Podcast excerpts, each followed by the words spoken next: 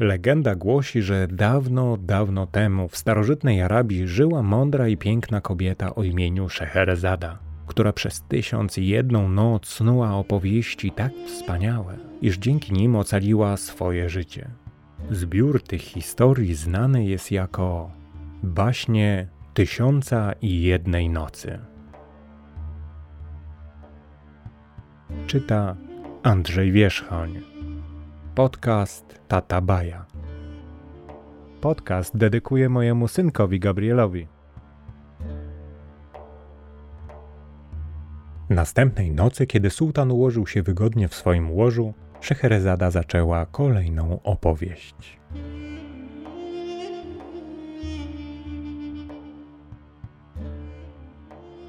Sen biedaka.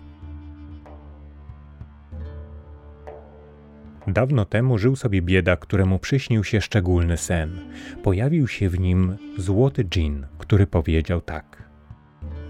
Udaj się do Kairu, by odmienić swój los.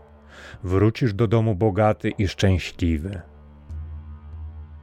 Rankiem biedak szybko się spakował i wyruszył na swoim osiel do Kairu.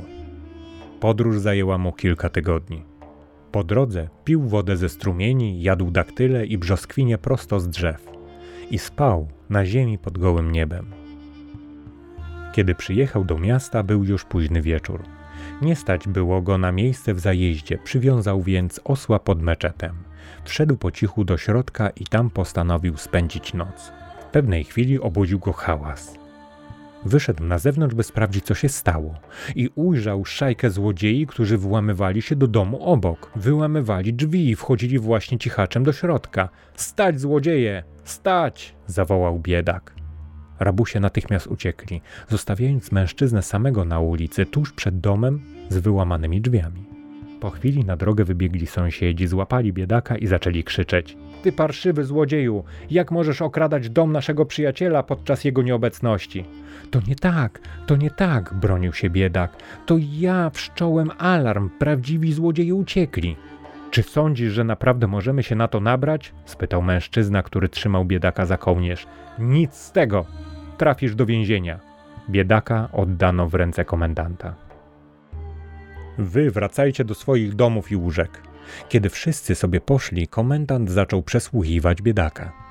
Skąd przyjechałeś? zapytał. Z Bagdadu, odpowiedział biedak. I dlaczego wyruszyłeś do Kairu? dopytywał komendant. Z powodu mojego snu, powiedział biedak.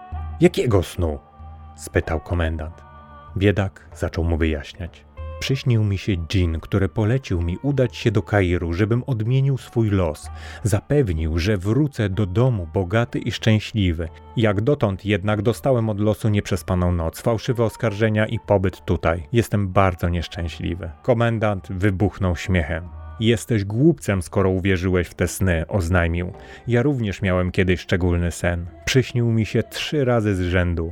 We śnie Jean powiedział, że powinienem udać się do Bagdadu i odszukać brukowaną ulicę, wzdłuż której rosną palmy. W nędznym niebieskim narożnym domu znajdę ponoć szczęście. Dom ten należy do biedaka, ale jak wykopię dół na jego podwórzu, znajdę bogactwa, o jakich nawet nie śniłem. Co za niedorzeczność. I jak sądzisz, czy udałem się przez to do Bagdadu? Oczywiście, że nie. Komendant, którego rozbawiła historia biedaka, powiedział w końcu: Wracaj do siebie i żebym cię więcej nie przyłapał na włamywaniu się do cudzych domów. Biedak poszedł do swojego osła i udał się w drogę powrotną. Przyjechali pod dom uśmiechnięty od ucha do ucha. Mieszkał bowiem przy brukowanej ulicy, wzdłuż której rosły palmy, w nędznym niebieskim narożnym domu, w takim, jakim opisał go komendant. Wszedł na podwórko i wykopał bardzo głęboki dół, w którym oczywiście znalazł takie bogactwa, o jakich mu się nawet nie śniło. Wyciągał skrzynie wypełnione złotem, szafirami, rubinami i perłami. Już nigdy nie cierpiał biedy i do końca swoich dni wiódł szczęśliwe, wygodne życie.